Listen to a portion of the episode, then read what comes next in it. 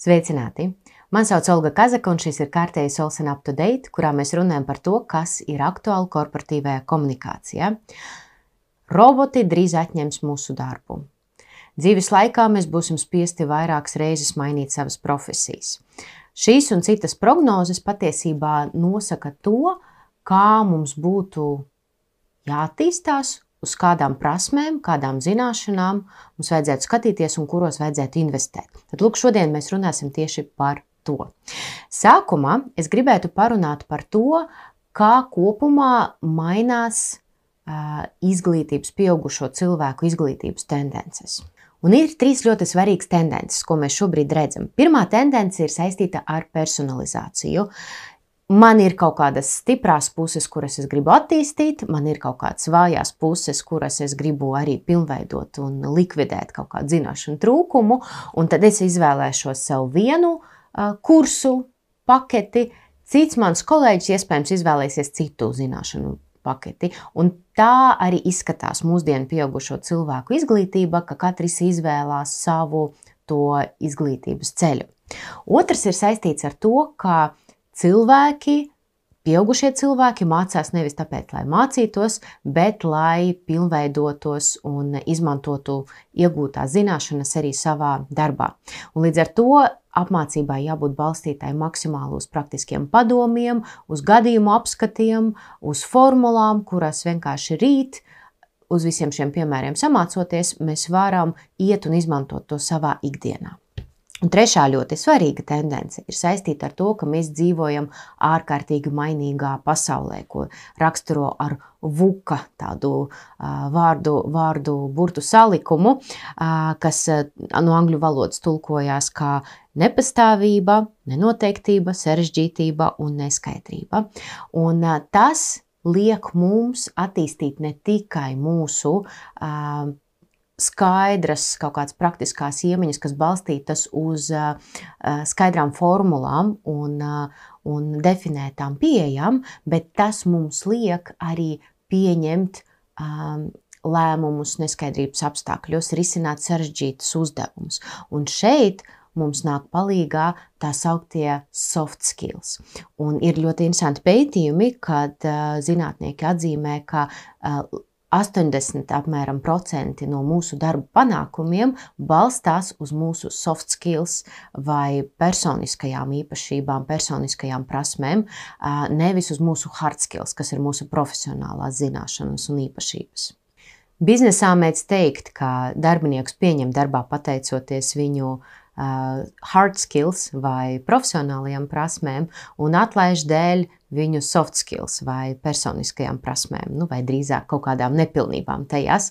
Un šis tāds HR speciālisti un komunikātoru joks patiesībā ārvien izteiktāk pierāda sevi kā tāda zelta patiesība. Un par soft skills patiesībā sāka runāt jau ļoti, ļoti sen.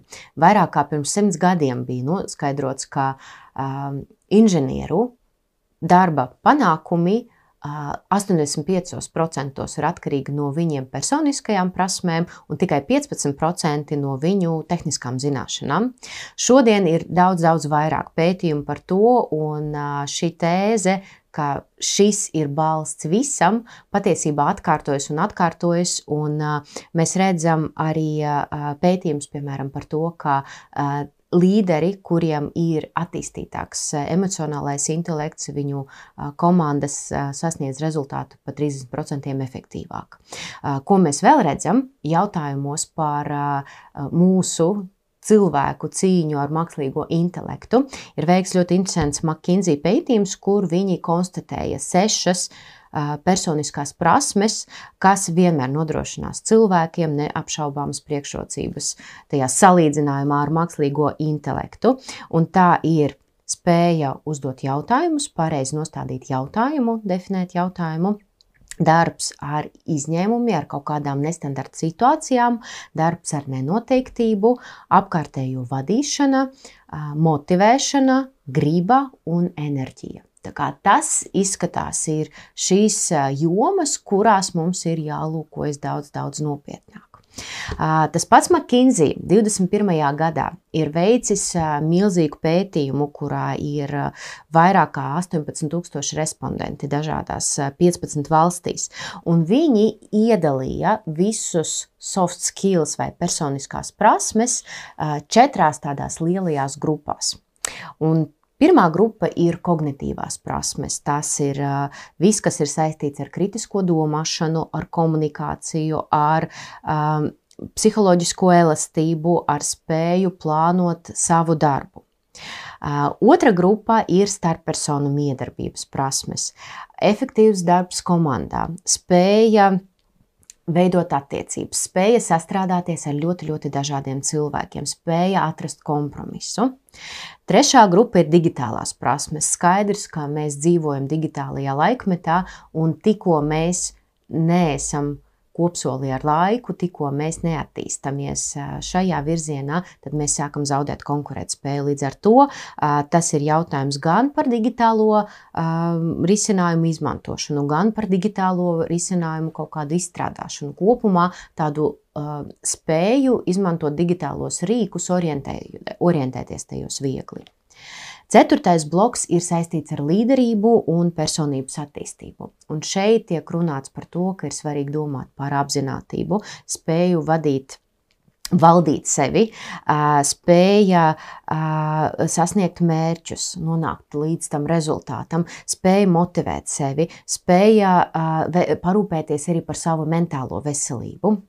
Un šajā sakarā ļoti interesants ir vēl viens eh, pētījums, kurā mēģināja noskaidrot eh, eh, tādas eksistenciālās prasmes, kuras būs vajadzīgas katram cilvēkam kā tāds pamats un balsts. Un šeit ir nu, nodefinētas tādas prasmes, kuras tiešām būs aktuālas katram cilvēkam arī visas mūžas garumā.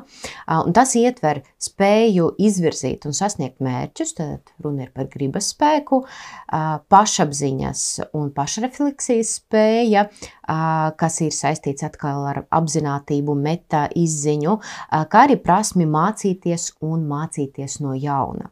Un faktiski, ja mēs šobrīd tā mēģinām norezumēt visu, ko mums saka aktuālākie pētījumi par to, tad, kādos soft skills, personiskajās prasmēs mums ir būtiski investēt, tad mēs redzam, ka tā ir spēja tikt galā ar sevi, tā ir spēja tikt galā ar cilvēkiem mums apkārt, ar komandām, un tā ir spēja tikt galā ar mūsu uzdevumiem.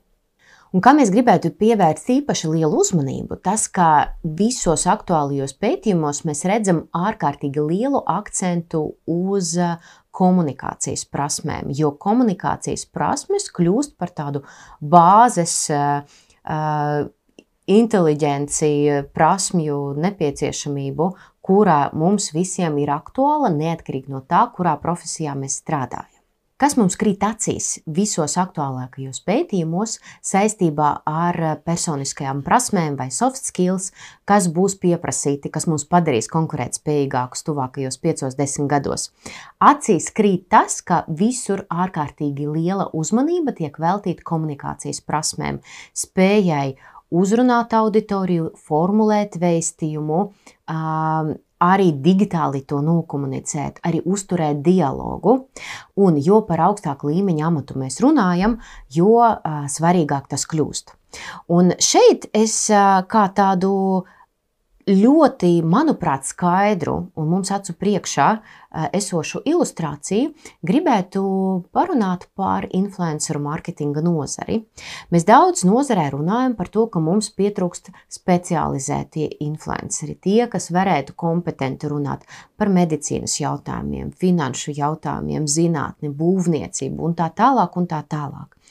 Eh, tajā pašā laikā eh, mēs redzam, ka šo nišu aizpildā dzīves stila vai skaistuma modes influenceri, kuriem nav šo zināšanu. Un ko mēs te pēc būtības redzam? Mēs redzam to, ka tie cilvēki, kas ir speciālisti šajās nozarēs, kas, kam ir attīstīts hard skills, viņiem nav attīstītas soft skills. Un tāpēc viņu nišu aizpilda cilvēki, kam ir ārkārtīgi avansētas, ir tieši tās personiskās, jeb komunikātoru prasmes, bet e, iespējams tajā pašā laikā viņiem nav tik attīstītas e, profesionālās prasmes tieši šajās nozarēs. Bet ko mēs redzam, ka tās komunikācijas prasmes viņiem palīdz sasniegt viņu auditoriju. Un ko tas viss nozīmē? Tas nozīmē to, ka neatkarīgi no tā, kurā nozarē jūs darbojaties, attīstiet savu komunikācijas muskulatūru. Būt labam profesionālim vairs nepietiek. Ja jūs spēsiet panākt savstarpēju sapratni, tad jūs sasniegsiet daudz vairāk, jo komunikācija patiesībā ir tā slepenā mērcīte, kas padara mūs daudz, daudz konkurētspējīgākus, neatkarīgi no tā, kurā nozarē mēs darbotos. Es jums novēlu lielus panākumus, pateicoties jūsu personiskajām prasmēm, un mēs ar jums pavisam drīz jau tiksimies saistībā ar kādu citu aktuālu tēmu. Šis bija Olsen Up to Date, es esmu Olga Kazaka, uz tikšanos!